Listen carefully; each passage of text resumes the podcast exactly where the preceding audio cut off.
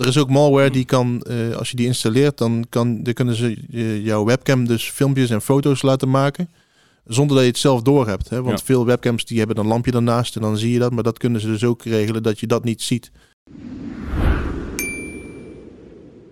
Welkom bij die aflevering van De Wilde Gesprekken. De wilde gesprekken. Dag uit. Hallo Leslie. Hoe is ie? Goed met jou? Goed, is even, Ja? is even geleden. Hè? is even geleden. Terug, terug uit reces. De laatste Ja, keer was het nog zomer volgens mij dat we hier zaten. Dat zou zomaar kunnen. Ja, Ja. Dat is, eh, ja ik denk het wel. Ik dacht dat toen ik midden in de zomer zat, dat ik zei van, ah, ik ben blij dat ik hier zit met de airco aan. Ja, dat En, klopt. en nu had ik een jas aan vandaag. Dus eh, Tijd veranderen. Gelukkig. geluk, ja, wel, gelukkig. Er zijn, er vallen wat dingen voor te zeggen. Maar goed. Hey, eh, we hebben vandaag een, wel een hele bijzondere gast aan tafel. Een hele Eigenlijk bijzondere altijd. gast. Maar eh, dit is wel een, een, een wat apartere, eh aparte geval natuurlijk. Het is sowieso een apart geval. ja. Normaal, Ja, no- normaal nodig je mensen, de- dit soort mensen uit op, op, op verjaardagen. En, Ja. en voor, voor vlaai en zo. En af en toe misschien een keer voor een, voor een bruiloft. Ja, En- dat klopt. Of gewoon als je koelkast leeg moet. Of Mhm. Ja, dan, dan, dan bellen we. Dan bellen we. wordt. Maar eh, jouw, jouw broer zit hier aan tafel. Ja, Stijn de Wilde. Dag Stijn. Hoi Stijn. Hey, goedemorgen. Hallo. Hoe is ie? Welkom. Ik mag niet klagen. Oké. Van wie niet? Ja, van mijn vrouw. Ah, oké. Ja. Dat krijg ik op mijn kop. Oké. Ja. Maar ik heb ook niks te klagen, dus ja, Nou, vooral niet doen dan. inderdaad. Stijn, jij Jawel. hebt een boek geschreven. Ja, Heb je geschreven? ik heb Je hebt geschreven. echt een boek geschreven. Ik heb een boek Wat geschreven. mooi. Leuk. Hey, eh, het boek heet Wij zijn de zwakste schakel. Ja. Eh, maar dat hoeven we niet te zijn. Ik word er niet per se heel vrolijk van van de titel. Ehm, waarom, eh, wat, is het, wat voor boek is het? En waarom heb je het geschreven? Eh, in een notendop, het boek is, eh, ehm, het gaat over de menselijke factor van cybercrime. Dat is ook de, de sub-subtitle. En in, de, in, de, in de digitale ketting van internetveiligheid, zo noemen we dat, zijn wij als mensen de, mensen de zwakste schakel. En dat houdt dus in dat wij kwetsbaar zijn omdat we mensen zijn. En hackers weten steeds beter misbruik te maken van het feit dat wij eh, emoties hebben, gevoelens hebben, dat wij makkelijker te manipuleren zijn dan computers. En eh, wij zijn dus de zwakste schakel met als ondertitel, maar dat hoeven we niet te zijn. Dus er is hoop, gelukkig. En eh, in dit boek leg ik aan, de, aan, aan gebruikers uit en aan professionals of wie dan ook met het internet verbindt eigenlijk, hoe je je eigen gedrag wat minder risicovol kan maken. Ja. Veel mensen weten niet wat de risico's zijn. Ik leg uit welke risico's zijn er en hoe proberen hackers jou te pakken. Oké, helder. En ik kan me voorstellen, bij de, bij de boekenwinkel ligt het waarschijnlijk bij de ICT-afdeling misschien. Tot nu toe, waar ik hem gezien heb, eh, inderdaad bij de, bij de informatiebe... ja, maar, het is eigenlijk geen, maar het is eigenlijk geen ICT-boek. Nee, nou ja, het gaat wel deels over gebruik van computers natuurlijk, want het gaat over cybersecurity. Mhm. Eh, maar in feite gaat het, is het boek geschreven voor iedereen die verbinding maakt überhaupt met het internet. Dus iedereen. In feite wel, want iedereen die verbinding maakt, die loopt bepaalde risico's. En voor één persoon is dat risico hoger dan voor de andere. Mhm. Dat ligt er ook aan voor een deel hoeveel je er al vanaf weet, hoe oud je bent. we- dat ligt, het ligt aan verschillende factoren natuurlijk. Maar eh, het is in principe voor iedereen die verbinding maakt, want risico's zijn er altijd en overal. Je Ja. bent altijd en overal online. Hè? Iedereen heeft een mobiele telefoon, een, een, een tablet, een, een, een smartwatch, wat dan ook.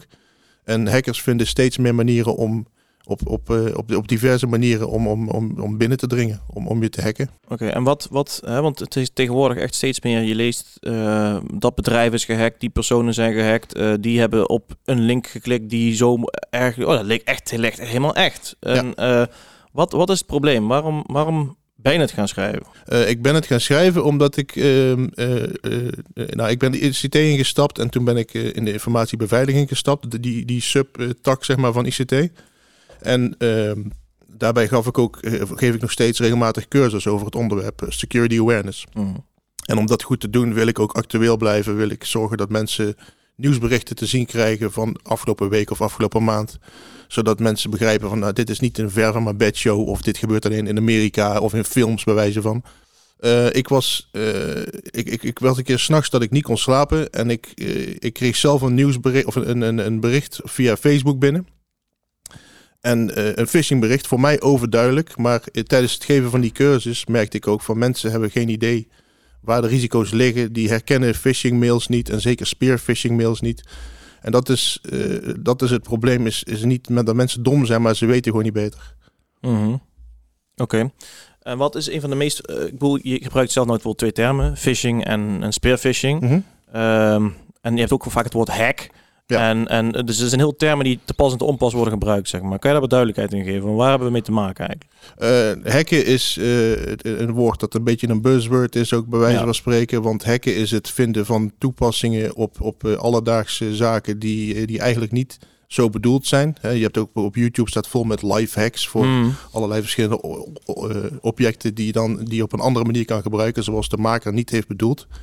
Maar in de, in de term, eh, als het gaat om informatiebeveiliging, dan is hacken het- binnendringen van een systeem waar je eigenlijk niet in hoort.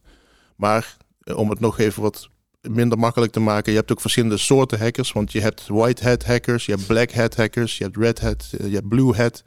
En dan heb je white hat, dat zijn de, de, de ethische hackers. Dus dat zijn de mensen zoals ik, wij willen de boel juist onderzoeken en veiliger maken. En black hat hackers, dat zijn de mensen die juist de boel willen slopen. En eh, phishing en, en spearphishing. eh, phishing is een, een, een mail die bijvoorbeeld naar 10.000 mensen wordt gestuurd met een aanhef van hè, geachte heer, mevrouw. Hmm. En heel algemeen, zodat iedereen. Dat is gewoon kansen spreiden. Ja. Hè, als, als van de 10.000 man één klikt, nou, dan heb je al succes. En spearphishing is een stuk uitgebreider en dat is een stuk persoonlijker. En spearphishing mail wordt ook onderzoek gedaan van hè, wat is mijn doelwit, hoe kan ik ze het beste pakken. Eh, is het een bedrijf of is het een, een particulier persoon? En Dus eh, pre- dan is persoonlijk, eigenlijk, eh. ja, een, een doelgerichte aanval op een specifiek iemand of een afdeling. Of hè, kijk maar, als een, bij een bedrijf gaan ze bijvoorbeeld kijken van nou, wie kunnen we het beste pakken. Bijvoorbeeld sales of, of een afdeling die veel met geld te maken heeft. Hmm. En dat is de spearphishing. Dat is echt doelgericht op een specifiek doelwit. Hoofdstuk 5 heet Jouw wachtwoord is stom. Ja. Waarom heet dat hoofdstuk zo? Omdat je Dat wachtwoord wel, stom eh, is. vind ik wel, vind ik wel heftig meteen. eh. Eh, wachtwoorden zijn eigenlijk... aanval, dus eh, nee. ja, dat is persoonlijk. Ja, Ja, ik- dat is, eh, wat is er mis met welkom 1, 2, 3? Ja, het is dat gewoon, weet ik ook niet. Het is toch gewoon... Ja, heel veel. Zelfs, zelfs mijn telefoon is ook gewoon 0000, weet je. Ja, Ja. het is gewoon veilig, weet je. Ja. Dan wacht niemand. Nee, Dus, eh, ja. Nee. Proberen ze nooit. Eh, I beg to differ. Ehm, nou ja, kijk, eh, jouw wachtwoord is stom. Eh, de reden dat ik dat zeg is, eigenlijk horen mensen geen wachtwoorden meer te gebruiken. Tegenwoordig is een wachtzin, of soms sommige mensen zeggen wachtwoordzin, maar dat is een beetje dubbelop. Een passphrase in plaats van een password. Een, een wachtwoord is gewoon inderdaad welkom 1, 2, 3. En het probleem daarbij is dat dat soort wachtwoorden die zijn algemeen bekend. En hackers die gebruiken een brute force attack, een, een brute krachtaanval. En dan hebben ze gewoon lijsten met de meest voorkomende wachtwoorden. Die, die proberen ze al uit. En als mensen een van die wachtwoorden gebruiken, dan is dat letterlijk binnen een paar seconden te kraken. En een wachtzin is een stuk lastiger, want een computer die, is, die wordt geprogrammeerd dan om bepaalde logische eh, woorden eh, te herkennen. hmm. En ook dingen die al lang bekend zijn. En hoe ingewikkelder jouw wachtzin is. Dus eh, ik heb een wachtzin bijvoorbeeld, dat is een logisch klinkende zin. En dat is voor een computer ook makkelijker te raken dan, eh, dan, dan iets totaal anders. Zoals eh, wachtzin, ik heb een. Hmm. Dat is de volgorde van zoiets klopt niet. En eh, dat is dus hoe, hoe ingewikkelder jouw wachtzin is, hoe moeilijker dat te kraken is. Oké, en een wachtwoord met gewoon X, Y, Z, weet ik veel, 6000 cijfers tussen met uitroepteken, dat is wel goed. Nee, of jawel, sorry. Oh, jawel, die is, dat is goed. De, de kracht van je wachtwoord ligt aan, zit eigenlijk in twee dingen: de lengte en de complexiteit. Mm. Dus hoe langer je wachtwoord, hoe moeilijker die te kraken is. Want hoe, naarmate het aantal tekens toeneemt, wordt ook de, de, de tijd dat een computer nodig heeft om alle mogelijke combinaties te testen, dat groeit echt exponentieel. En eh, als er allemaal verschillende tekens in staan, dus hoofdletters, kleine letters, speciale tekens, eh, cijfers, eh et cetera, dan heeft een computer nog meer tijd nodig om dat allemaal, al die, letterlijk al die combinaties te proberen. En Maar, vanaf, vanaf ongeveer 12 of 14 tekens, dan eh, zijn er, er zijn tabellen waarin staat uitgelegd van hoe lang heeft een computer nodig gemiddeld. En er zijn tabellen die uitleggen van vanaf een t- t- 12 tekens en je gebruikt allemaal verschillende zaken, dan kan het zo'n 150 jaar duren voordat zo'n wachtwoord is gekraakt. Oké. Ja. Ehm, nou, dat is, dat, is, dat is mooi. Dus je wachtwoord is stom. Geldt niet voor iedereen, want heel veel mensen hebben tegenwoordig ook van die wa- wachtwoordgenerators en Ja. zo. Die zijn allemaal oké. Eh, ja, Tenminste, zolang, dat, eh, zolang de password manager die ze gebruiken goed beveiligd is Ja. en ze gaan daar goed zelf ook mee om en ze zorgen dat dat allemaal blijft waar het hoort.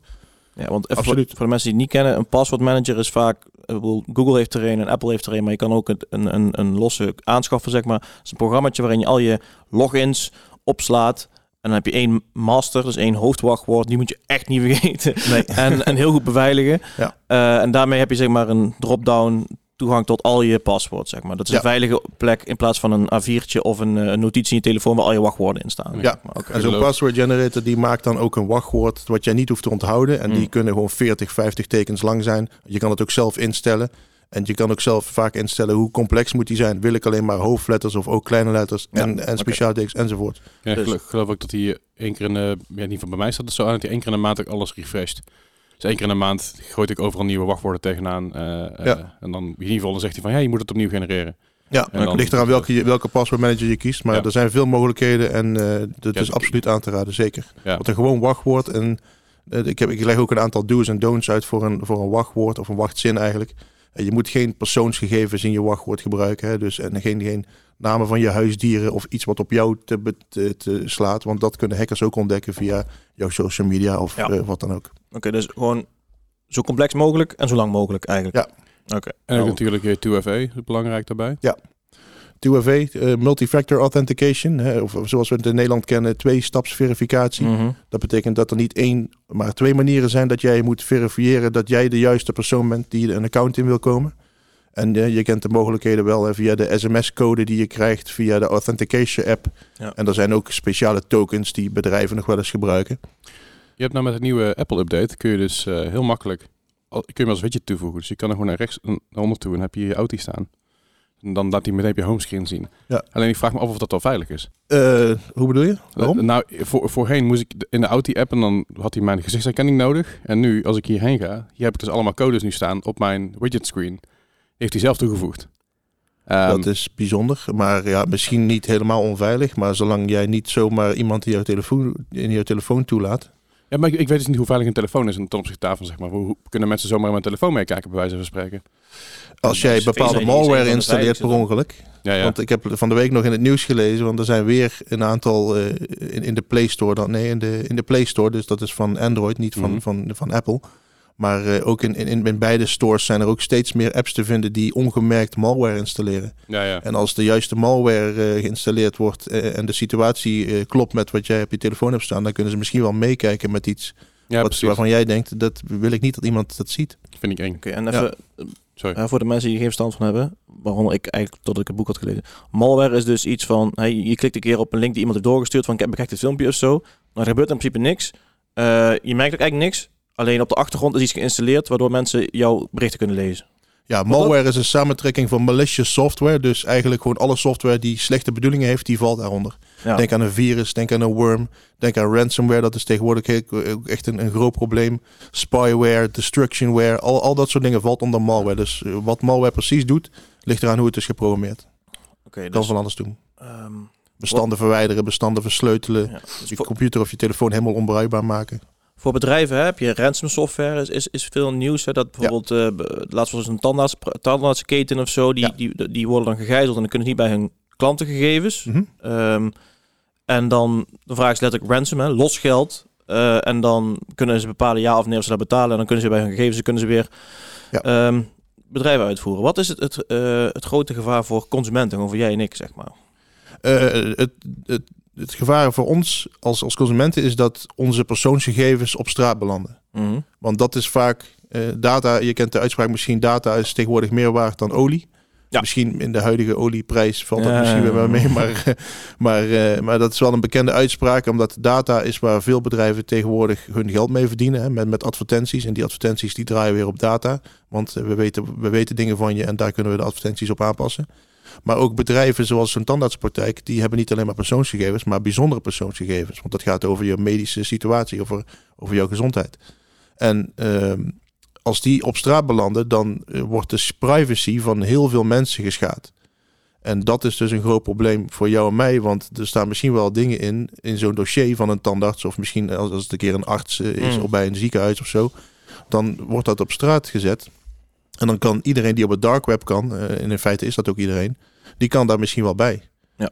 En dat is natuurlijk een grove schending van jouw privacy en misschien ook van je mentale gesteldheid, dat er informatie over jou gewoon online staat waarvan jij zegt van dit wil ik juist graag privé houden. Daarom is ransomware zo'n zo'n ja, bitch, als ik het even mag zeggen. Eh, de, politie en de overheid die rijdt, raadt ook aan aan bedrijven van ja, betaal geen losgeld. Maar ja, dat is een, Wat is, een- wat is de argumentatie daarachter? Want, want ja, je moet verder... Ja, betaal je losgeld, dan kan je letterlijk je bedrijf moet je failliet laten verklaren. Ja, dat- er zijn bedrijven die inderdaad onlangs nog volgens mij een Nederlands bedrijf wat 7 miljoen betaalde voor de informatie los te laten. En het probleem is ja natuurlijk het hele we don't negotiate with terrorists idee. Want Ja. op het moment dat je gaat onderhandelen met zo'n bedrijf, dan weet, dan weet het bedrijf ook van oh daar valt meer te halen. Of hey, dit is wel heel makkelijk. Dan ik komen, ze, snap dan het komen ze terug. Maar Ik ja, zeg- ja, ik- maar, je- ja, maar, ik, oké. ik- maar ik snap je, je moet iets, weet je. Je, je kan niet zomaar je bedrijf eh, laten, laten stokken voor, eh, voor, voor, Ja, voor het geld. Ja. Het, zijn, het zijn twee hele vervelende keuzes. A is je, hebt geen, je kan je bedrijf niet meer voeren, dus je gaat failliet. En Mm. B is je moet 7 miljoen betalen en het risico dat ze terugkomen. Maar ja, zeg het maar. Ja, nou ja, daarom kiezen ze ook vaak bedrijven uit, of organisaties moet ik zeggen, want het zijn niet alleen maar commerciële bedrijven, maar daarom worden vaak als slachtoffer ook eh, eh, organisaties uitgekozen die, waarvan ze weten, die kunnen ze het niet, niet veroorloven om lang stil te staan. Mm. Denk aan een universiteit, denk aan ook een ziekenhuis, want als een ziekenhuis eh, Ja. gegijzeld wordt en de- ze kunnen operatie niet uitvoeren, dan kunnen er doden vallen. Dus eh, daarom kiezen ze dat soort slachtoffers ook uit. En dan is de kans op betaling ook groter. En als je het niet doet, dan loop je dus het risico dat al die data op straat belandt. Nou ja, dat is dan een afweging die zo'n bedrijf moet maken. Er zijn bedrijven die niet betalen en daarvan ook, waarvan ook bekend wordt, ja, dan is het op het dark web beland. Oké, nou het, het doel is helder. Eh, het is vaak financieel natuurlijk. Ja. Ehm, maar 86 procent de van kern... alle cyberaanvallen. Kijk eens aan. Ehm, money makes the world go round. Ja. Eh, de kern van het boek is social engineering. Ja. Wat is het begrip en waarom is de kern van het begrip social engineering? Wat heeft dat te maken met, met ICT en cyberveiligheid? Ehm, nou ja, eh, eh, eh, het grootste deel van de cyberaanvallen tegenwoordig, en dat is 88 procent, en afhankelijk van welk onderzoek je erbij pakt, schommelt zo'n percentage misschien een beetje, maar eh, in, in bijna alle gevallen tegenwoordig is een, een aanval, een cyberaanval gericht op mensen, of in ieder geval deels gericht op mensen. Dus ze hebben een menselijke handeling nodig om een aanval tot een succes te maken. Denk aan klikken op een link of be- bepaalde gevoelige informatie vrijgeven. En dat kan via phishing, dat kan ook via andere manieren. Via de telefoon kunnen ze iemand proberen te overtuigen. En dat is dus het manipuleren van menselijk gedrag. En social engineering is dus het beïnvloeden aan de ene kant en ook het manipuleren van menselijk gedrag. Social engineering is niet een nieuwe term. Dat is in, ergens in eind 19e eeuw is dat alles voorgekomen in boeken voor social studies. En eind jaren, 90, eind jaren 90 heeft een, een hacker genaamd Kevin Mitnick heeft een boek geschreven over, eh, over social engineering. Heeft de The Art of Deception. En daarin legt hij uit hoe hij diverse eh, technieken heeft gebruikt om mensen te overtuigen, zodat hij bedrijven kon hacken. Hij heeft ook echt in de gevangenis gezeten daarvoor. En hij heeft, daarna heeft hij dus dat boek geschreven en hij is inmiddels eh, ja, wereldberoemd. De, de, degene die die term ook een beetje gecoind heeft, of in ieder geval populair heeft gemaakt. Maar social engineeren is dus in het kort het, het eh, beïnvloeden en manipuleren van mensen. En het is dus niet per se slecht, want jij, eh, jij bent ook een social engineer en iedereen is een social engineer ooit. Want social engineering is, het heel, is heel bewust communiceren. En je communiceert met een doel. Mm. Dus in plaats van dat je een casual gesprek hebt met iemand waarbij je echt niet nadenkt van, nou ja, eh, eh, wat, wat, wat, doen we- wat, wat moeten we hier nou mee bereiken? Is het echt van, nou, ik, ik bedenk van tevoren, ik heb een bepaald doel dat ik wil bereiken en ik ga dus bepaalde dingen zeggen of doen of, of, of, misschien me op een bepaalde manier kleden dat ik een bepaalde overtuigingskracht kan uitoefenen op iemand, zodat die persoon iets doet wat wellicht niet in zijn of haar belang is, maar waar ik wel iets aan heb. Kunnen we, kunnen we ervoor kiezen om influencers tegenwoordig social, social engineers te noemen? Dat lijkt me heel, daar voel ik wel wat voor. Nou ja, kijk, het, influencers die eh, staan wel bekend als, eh, eh, of tenminste staan niet bekend als social engineers, maar dat is in feite wel voor een groot deel wat ze doen. Ja. En beïnvloeden is ook niet slecht, hè, dat zei ik al. Van, social engineering, dat ligt eraan hoe je het gebruikt. Dat is net als je auto of je keukenmes. Tuurlijk, tuurlijk. Het kan voor goede en slechte de- doeleinden worden gebruikt. Want bij iemand beïnvloeden kan, kan ook heel positief zijn. Hè? Als Ja. iemand een slechte dag heeft, kun je hem een compliment geven. Mm. En, en zulke dingen kun je ook doen. Maar in de wereld, in mijn wereld Ja, van, ja. van mijn werk, is social engineering echt gewoon manipulatie. Oké, helder. Geef even een duidelijk voorbeeld van social engineering, hoe iemand eh gefisht of gefished of fished, Gefisht. gefished wordt. Ehm, eh, je krijgt een mail waarin staat, eh, je, hebt, je hebt een miljoen gewonnen. Mm. Je klikt op een link en vervolgens wordt er via die link wordt er malware op je, op je, op je computer geïnstalleerd. En dat, dat social engineering gedeelte houdt dus in dat ze jou voor de gek houden als mens. Want jij wordt blij van, oh, ik heb Ja. een miljoen gewonnen. Het is een oud voorbeeld, het is een overdreven voorbeeld. Redelijk, heb, je, heb je een iets specifieker voorbeeld? Dat je echt denkt van, Ik heb toevallig afgelopen week, en dat is geen grapje, heb ik op mijn zakelijke mail een phishing mail gehad. Waarin staat, eh, er is een urgente reactie nodig in het onderwerp. En eh, ik ben een advocaat van een, eh, een advocaatkantoor uit, uit een, een land in Afrika, werd genoemd Mhm. volgens mij. En eh, er is een ver familielid van jou die is overleden en die heeft eh, 21,8 miljoen op zijn bankrekening staan. We hebben veel moeite gedaan om jou te kunnen vinden als ver familielid. En eh, ja, eh, zou je willen reageren op deze mail met je naam, je adres, je telefoonnummer, je bankrekeningnummer eh, en je geboortedatum? Want dan kunnen wij de boel in gang gaan zetten om eh, het geld naar jou over te maken. En dat is dus, eh, ze houden jou voor de gek omdat ze jou iets beloven waar jij als slachtoffer hopelijk blij van wordt.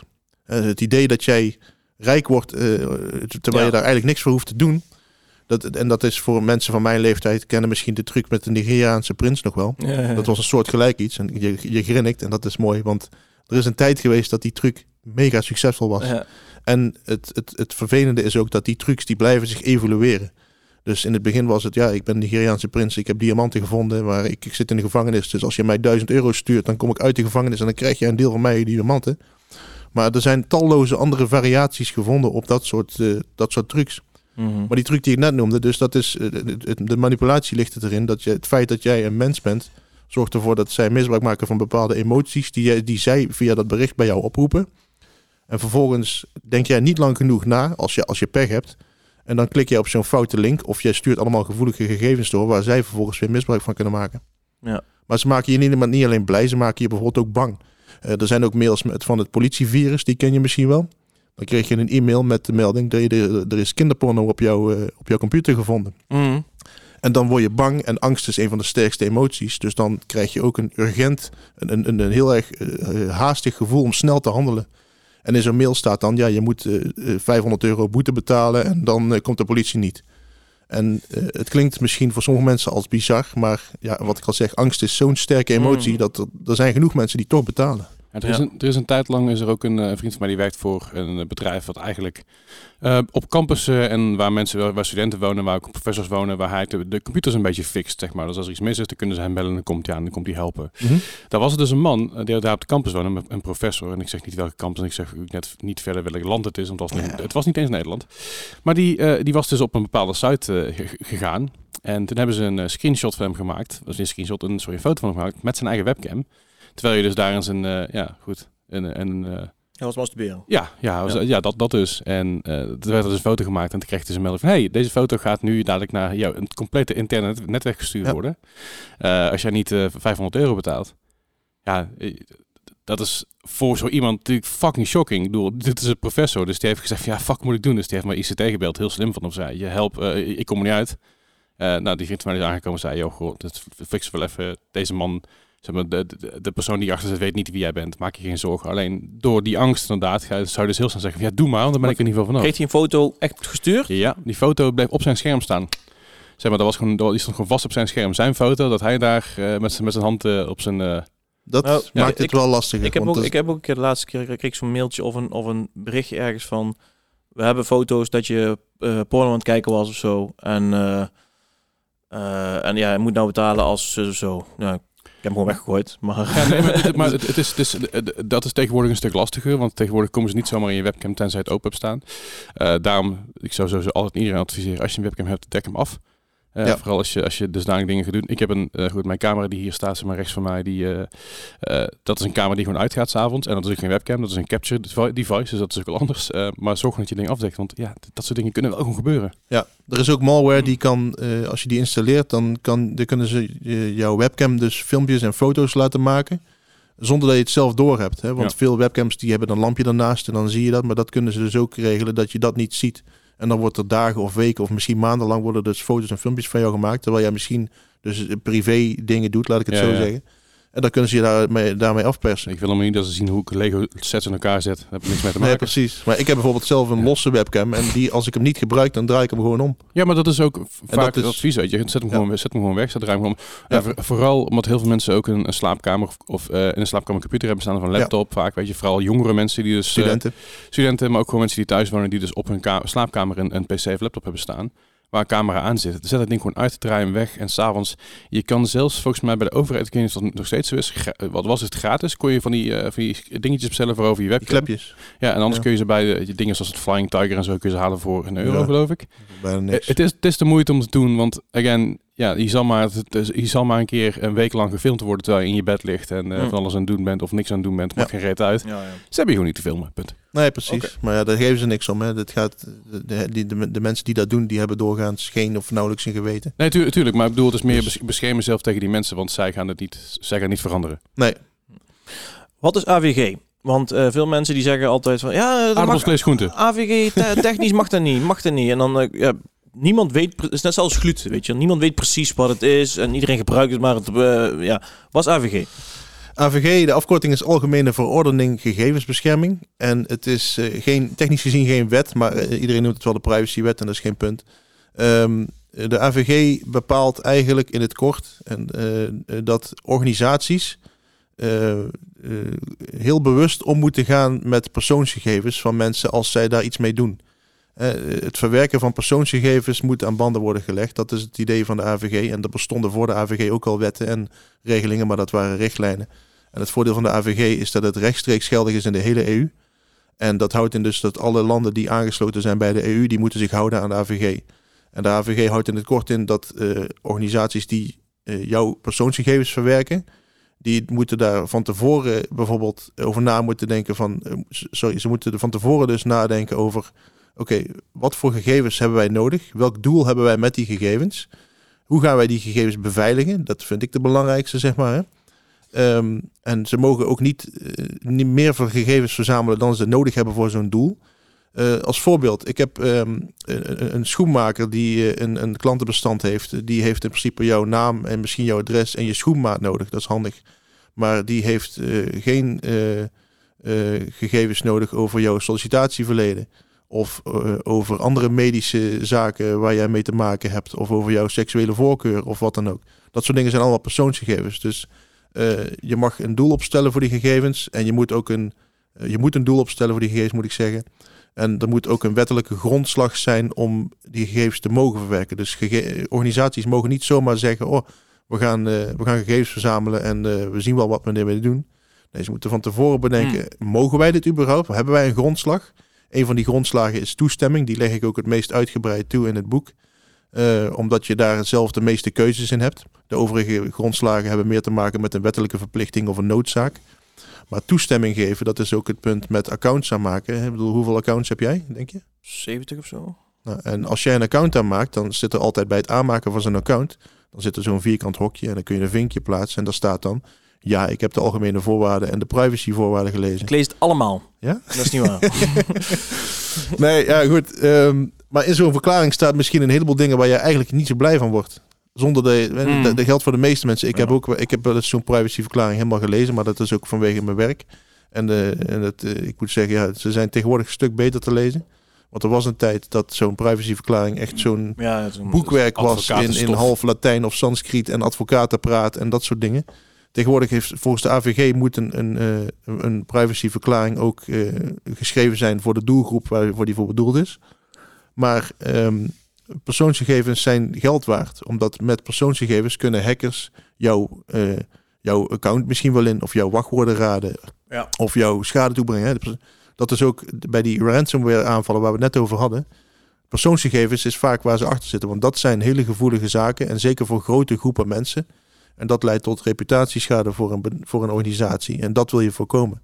Ja. Maar de AVG is dus eigenlijk in het kort nogmaals gewoon regels over hoe organisaties om moeten gaan met persoonsgegevens als ze daar iets mee doen. Eh, je boek. Ja. De doelgroep, je zegt iedereen eh, kan het lezen, Ja. maar ehm, waar eh, volwassenen niet altijd, maar hopelijk iets verantwoordelijker zijn, eh, jongeren hebben die iets aan het boek. Absoluut. Hè, want, want je hebt ook, eh, hoofdstuk 10 heet Houd je lijf offline. Mhm. Nou, die wil ik even samenpakken, zeg maar. Ehm, is, ehm, kijk, tegen, tegenwoordig, ehm, ik weet nog toen ik op de middelbare school zat, was op een gegeven moment een meisje die had met een webcam, had, had eh, foto's van haar eh, ja, edele delen, zeg maar, gemaakt. Mhm. En die is rondgegaan en dat was gewoon, ja, dat was echt een bombshell, een shock, Ja. zeg maar. Volgens mij, ik weet niet, ik heb er geen cijfers erbij, maar heel veel jongeren, en trouwens volwassenen misschien ook wel, hè, sexting, foto's doorsturen van, van je lichaam of weet ik wat. Het is bijna de, ik- het gevoel is dat het bijna de norm wordt, zeg maar. Ik weet niet wat de cijfers daarvan zijn, maar is het een probleem? Ehm, wat betekent houd je lijf offline? En wat kunnen jongeren leren uit jouw boek over de omgang met, dit, met deze situatie, zeg maar? Nou, goede vraag. Ehm, Dank je. veel mensen die ik spreek, die, er is een, er is een soort van een, een, een, eh, een, een eh, hoe noem je zoiets? Ik zoek het woord even. Geen test, maar een, een Q&A, maar een eh, enquête. Oh, enquête, ja. Van nou, eh, wie denk je dat de grootste eh, risico loopt? Of de, welke, welke doelgroep, welke leeftijdsgroep moet ik zeggen, ehm, trapt het vaakst in, in phishing en, en cybercrime en zo. En veel mensen die selecteren dan mensen van 50, 60 plus. Want die zijn niet opgegroeid met computers. Maar wat blijkt nou? 18 tot 25. En dat heeft voor een deel te maken, denk ik, met de ontwikkeling van je hersenen. Want de, eh, je hersenen die maken tijdens je, je puberteit en, en daarna ook nog een ontwikkelingsfase door. En het deel van jouw hersenen dat eh, lange termijn en logische gedachten en dus ook de gevolgen van je daden, zeg maar, regelt, die ontwikkelt zich het traagst. En in je jeugd eh, ben je veel bezig met emoties en je, je ervaart als, als, als tiener emoties ook vaak veel heftiger als je, dan een volwassene. En je bent dus impulsief. Je reageert heel impulsief op dingen omdat je nu iets wil, je ziet iets. En je lange termijn, dat is echt iets wat later pas komt. Dus eh, jongeren die zijn dan ook vatbaarder voor dat soort dingen, omdat ze gewoon niet genoeg weten. Maar aan de andere kant ook experimenteren. Want je bent in een bepaalde levensfase dat je jezelf leert kennen. Je hebt een groep waar je in zit misschien wel. Je bent aan het experimenteren. Je, je wil nieuwe dingen uitproberen. Je wil ervaren. En dat is heel normaal en logisch. Want je wil ook ontdekken wat zijn mijn grenzen. Wie ben ik. Eh, Dat hoort er allemaal bij in je puberteit. Oudere mensen hebben vaak al wat levenservaring. En die zijn dan vaak wat meer terughoudend. Van ja, oké, ik krijg hier iets. eh, ik wil het even toch checken. Dus wat dat betreft ehm, zou ik zeggen, ja, de, jeugd heeft zeker iets aan mijn boek. Want ik heb ook dat hoofdstuk Houd je lijf offline. Dat gaat specifiek over eh, cybercrime die te maken heeft met seksuele uitbuiting. En ja, als je de statistieken bekijkt, dan is het toch... eh, de slachtoffers zijn bijna altijd meisjes of vrouwen en de daders zijn bijna altijd mannen. Ehm, dat hoofdstuk eh, leert je eigenlijk ehm, ten eerste een beetje de, van de, een, deel van de, de wetenschap achter verliefdheid. Dus hoe, waarom ben jij extra vatbaar voor dat soort dingen als jij verliefd bent? Hè? Want Hmm. mensen gaan dan... Iemand die verliefd is, die doet er vaak alles aan om leuk gevonden te worden. En dan ga je ook grenzen opzoeken en zelfs grenzen voorbij. En eh, dan heb je zo een foto gedeeld of gestuurd. En als dat eenmaal de wereld in is, dan gaat het er niet meer uit. Eh, het is heel makkelijk, eh, steeds makkelijker om dingen van jezelf te delen. Wij zijn opgegroeid, jij en ik, rond die leeftijd met, met ICQ heette dat volgens mij. Toen kwam MSN en dan heb je Hives en Facebook. En je leven online leiden is, Mm. is vrij normaal. Kijk maar naar TikTok tegenwoordig. Hè. De, de, de- de kinderen van, van 14, 15, die zitten gewoon drie uur per dag op TikTok. Mhm. En het is heel normaal om dingen dus online te delen. En zelfs een intieme foto, die is zo gedeeld, maar dat kun je niet meer terughalen. Als Ja. iets eenmaal op het internet staat, dan krijg je het er bijna niet meer vanaf. En als je het doet, doe het dan stilletjes. En ga niet zoals Beyoncé aan de slag. Ik weet niet of je dat verhaal kent. Ja, ja. Nee. De, als je googelt, go, ja, ik, Oh ja, ja, ja, die foto die ze van eraf wilden van- krijgen. Ja. Voor de kijkers, eh, rechts. google maar eens even naar The Picture Beyoncé Once Removed from the Internet. Ja, ik ken hem, ik ken hem. En dat is het Streisand effect. Hè. Barbara Streisand heeft ooit luidkeels geklaagd over een foto van haar huis. Stond op, een, eh, op het internet. Mhm. En daar kwam ze achter. En toen heeft ze dus allemaal lopen roepen. Dat, dat wil ik niet, eh, vervelend. Nou, wat gebeurt er dan? Dan ga je het meer delen, ja. Dus- Iedereen zoekt zo'n foto natuurlijk op. En er is nu ook een Wikipedia-pagina, het Streisand effect. Dus als je ooit merkt, er staat iets online van mij wat ik er niet op wil, pardon, wat ik er niet op wil hebben. Ja. Zorg dat je dat niet hardop gaat Niet roepen. te veel aandacht aan besteden dat, maar er zijn ook bedrijven die, dat, eh, die het voor je kunnen doen, dat scrubben.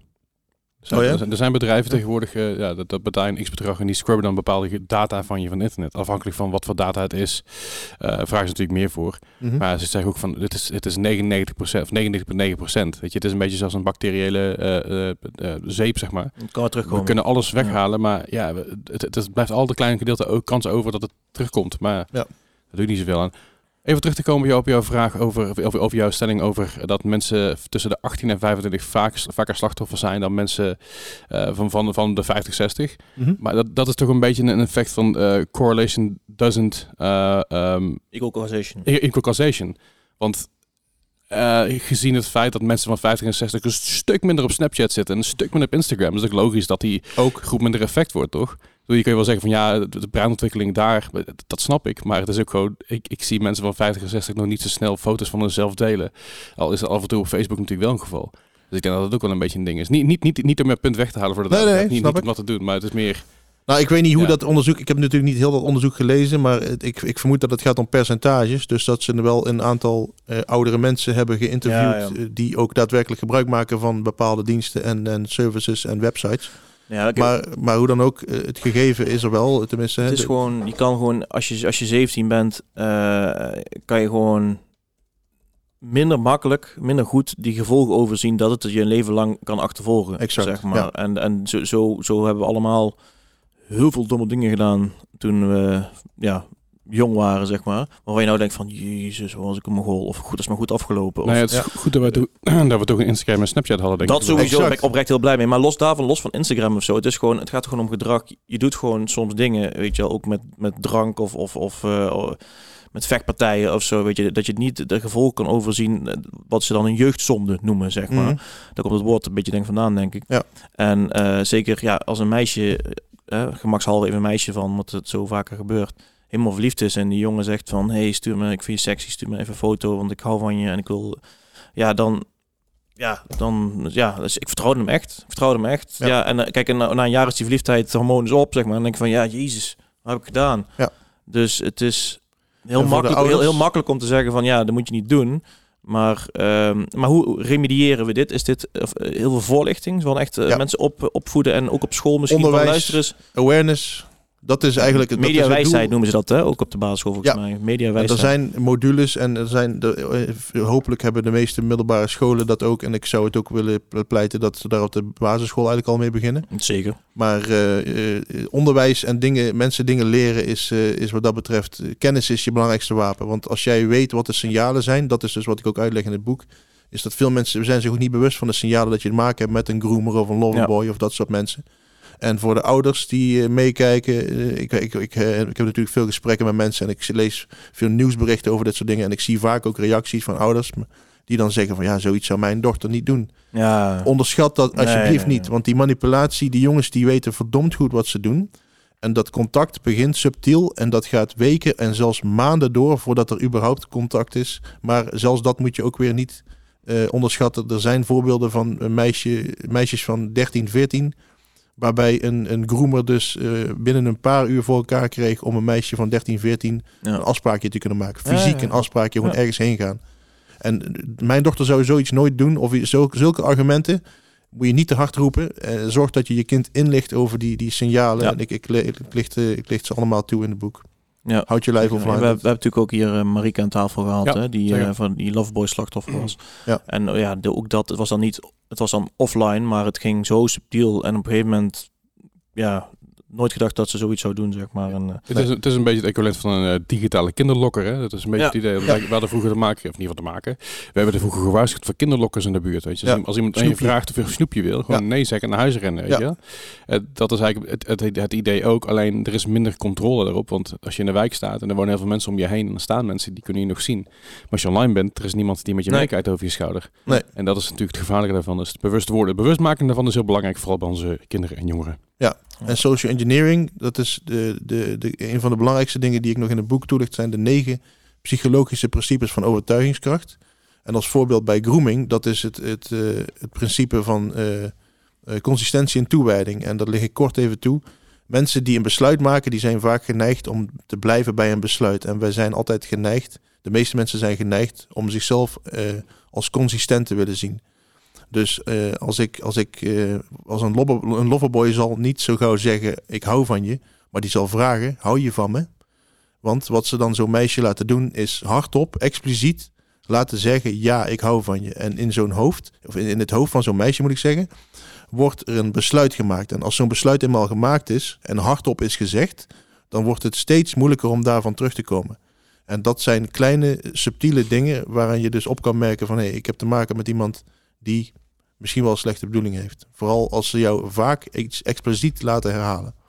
Oké, helder. En sowieso geen vreemde vertrouwen. Eh, gebruik een avatar in plaats van je, eh, van je, in plaats van je profielfoto als je op een openbaar forum zit.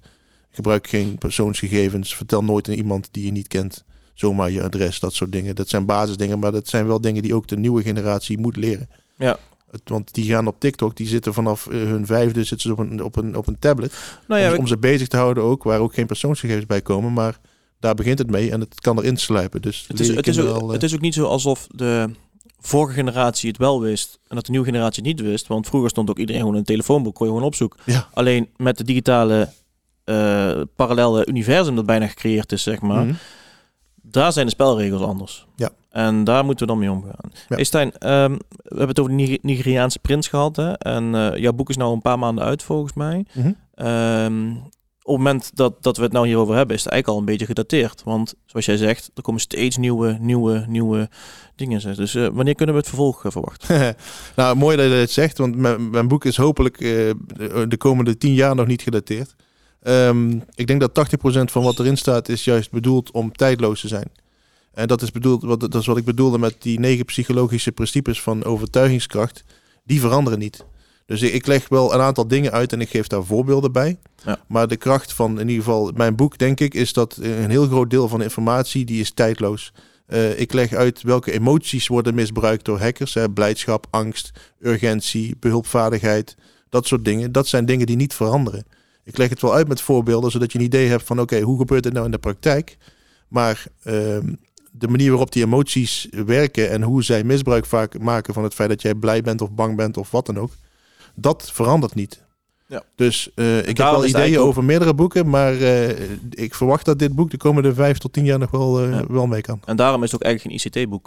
Nee, precies. Nee, het, Het is gewoon hoe ze, hoe ze in de ICT-wereld gebruik maken van deze principes, van Ja. oplichterij en jou verleiden, als het ware, Ja. om, eh, om hè, want stel, stel ze hebben het, het eh, iemand die van PSV houdt of zo, dan sturen ze een mail van, eh, met een logotje van PSV, dus oh, PSV, weet je Ja. wel, en dan klikken en dan, pak, Ja. gewoon alles weg. Dat is dus waar die spearfishing waar we het Ja. eerder over hadden. Dat is echt, echt gewoon helemaal aangepast aan jouw belevingswereld, zoals ik het noem in het boek. Dat is alles wat voor jou bekend is en, en eh, alles wat voor jou betekenis heeft. Mhm. En hoe meer je online leeft, hoe meer jij openbaar op Facebook zet. "Hey, ik ben eh, bij PSV, een PSV shirtje ja, als voorbeeld even. Nou, dan weet een hacker Identiteit. van dit past bij jou, jij kent dit, dus dan valt zo'n spearfishing mail ook veel minder op. Ja. Eh, de, bij phishing zijn er een aantal standaard signalen die je kent. Hè, van eh, je hebt een miljoen gewonnen spelfouten die tegenwoordig ook steeds minder vaak trouwens fout ko- voorkomen. Maar bij spearfishing, eh, spearfishing is zo ontworpen dat juist die signalen die jij gewend bent om waarin je phishing kunt herkennen, die zijn er dan niet meer of nauwelijks. Dat is het gevaar van spearfishing. Dus hoe, en hoe wapen je je daartegen? Denk Proactieve controles. Eh, alle mails die ik binnenkrijg waarin staat eh, er is een bericht voor je klaar en eh, klik hier op een link. Mijn advies is altijd controleer de inhoud van berichten altijd bij de bron. Dus je kent die mailtjes van mijn overheid of zo. Er staat een Mm. bericht voor je klaar in plaats Ja. van dat ze de inhoud in het bericht zelf zetten. Dat is voor de veiligheid. Maar een hacker kan zo'n bericht ook sturen met een link. Klik hier om je bericht te kijken. En die link is dan fout. Die is malafide. Dat is malware. Maar als jij, en als jij daar niet, als jij daar niks van af weet, als jij die awareness niet hebt, die kennis niet hebt, dan kan het goed zijn dat jij gewoon klikt. Maar ik heb mezelf een beleid aangemeten eigenlijk dat alle berichten die ik krijg, die check ik op, op, op nou niet, niet per se alles. Sommige dingen weet ik wel van nou dit is te vertrouwen, redelijk vlot. Maar als er een bericht staat met klik hier, dan ga ik nooit naar de, de link in dat bericht, maar dan ga ik rechtstreeks naar de website van die instantie. En dan kijk ik daar, staat hier zo'n bericht voor mij klaar. Ja, en het is ook heel makkelijk. De eerste controle begint vaak bij het mailadres. Ook, ja. Dus dan krijg je bijvoorbeeld eh, een paypal.com, zeg maar, is dan, eh, is dan eh, eh, bijvoorbeeld info at paypal.com heb je normaal. En dan heb je nu info at de customer service eh, x9z34.paypal.com. Ja. Dus dan lijkt het alsof het Paypal is, maar dat is het niet. Het sluit alleen af met paypal.com. Dus zorg wel dat je daar ook goed naar kijkt. Dus Ja. het e-mailadres even googlen kan ook, eh, want als, vaak Ja, staat dan ja. op, op sites van, van professionals zoals jou die dat eh, mensen informeren, staat dan vaak het, het van hey deze moet je niet gebruiken of deze is niet goed of zo. Nee, exact. En eh, als je een mail krijgt, dan zie je vaak de afzender. Maar de afzender is niet het e-mailadres. Bij de afzender kan iedereen gewoon maar wat invullen. Dat Ja. kan van alles zijn. Ook iets wat legitiem lijkt. Ja, Daarom ja. moet je het e-mailadres checken, niet Ja. de afzender. ja, maar echt gewoon van van, Van, de ja. ja. Ja, ja. Ja. From. Alright. Alright, Eh, ik heb eh, veel geleerd. zeker. Ehm, ik, het is echt een aanrader voor iedereen. Het is, het is, eh, het is, het is zoals ik al zei, het is geen ICT-boek. Het leest heel makkelijk weg. Af en toe ook een uitstekend grapje. Ehm, en, ehm, en ja, het is echt ja, dat je echt bewust worden, kennis is macht van, oké, zo proberen ze ons te pakken. En dat is in principe van alle tijden. Maar in Zie het als een online rijbewijs. Weet je wel? Voordat Ja. jij de openbare weg op mag, moet jij eh, theorie leren en praktijk. Eigenlijk moet dat, voor, vind ik dan, voor internet hoort dat eigenlijk ook. Want het is gewoon basiskennis, zodat jij niet in de val eh, Ja. eh, loopt, zeg Dat maar. is gewoon... Toen moet je denken aan vroeger de digitale snelweg. Ja, ja, inderdaad. het is wel zo. Ja. hey, eh, dat boek voor jou, waar kunnen ze het kopen? Die kun je overal kopen. Eh, waar, veel waar, grote kunnen ze best- waar kunnen ze het beste kopen? Het De beste, betere boekhandel. Ja, bij, de, nou ja, bij, bij alles goed is hebben de meeste boekhandels hebben het wel. Eh, maar eh, ik, je krijgt van mij twee, eh, twee links en eh, die, die kun je dan eh, in de In de beschrijving show notes vinden. vinden, ja. Eh, het voordeel van als je dat boek via die twee links ko- koopt, is dat er 10 tot 12 procent van de opbrengst van jouw eh, aankoop, die gaat naar Stichting Slachtofferhulp. Oh, mooi. Ja, wat goed. Dat is een actie die ik eh, onlangs begonnen ben, eh, de- want ja, het boek is geschreven om mensen te helpen. En, eh, Om slachtoffers te voorkomen Om, slachtoffers Ja, ja. te voorkomen. Maar ja, er zijn mensen die ook slachtoffer worden, ondanks alle goede zorgen. Maar slachtofferhulp helpt niet alleen maar slachtoffers van cybercrime, maar ook eh, andere misdrijven, maar ook ongelukken of rampen. En eh, het leek mij een goede manier om, om dan ja, om aan, aan beide kanten een beetje eh, te kunnen helpen. Dat eh, Ja. voorkomen en genezen, zeg maar. Mooi. Dus eh, gebruik dan, als je hem koopt, eh, een van die twee links. Want dan gaat, dan gaat er ook nog eens een bedrag naar slachtofferhulp. mooi. Heel mooi. Helemaal top. Dan eh, zijn we er denk ik. We of zijn er. Ik, Wil je, wil jij nu, heb jij nog een afsluitende vraag, suggestie, opmerking? Of jij misschien zelf zijn? Nee, op het moment niet. Maar ik, eh, ik, ja, ik, ben, ik ben onder de indruk. Je weet, je weet er best veel van Afstijn. Ja, ik doe mijn best. Jongen, Ja. je weet best veel, hè? Dat is, dat is toch familie voor jou? Ja, ja, dat is Ja. wel die kan Ik denk is waar ken ik eh, die jongen van? ja, Maar, Wereld ja. van verschil hier. Heel veel kennis aan tafel aan de ene kant en dan Ja. grap, grapje uit, grapje. Ik heb nog wel een afsluiter. Nou, Doe het veilig. doe het veilig inderdaad. Ja. Nou, dankjewel voor het luisteren. Ja, ja oké. Eh, ja, de volgende keer weer. Dankjewel. ja, ja.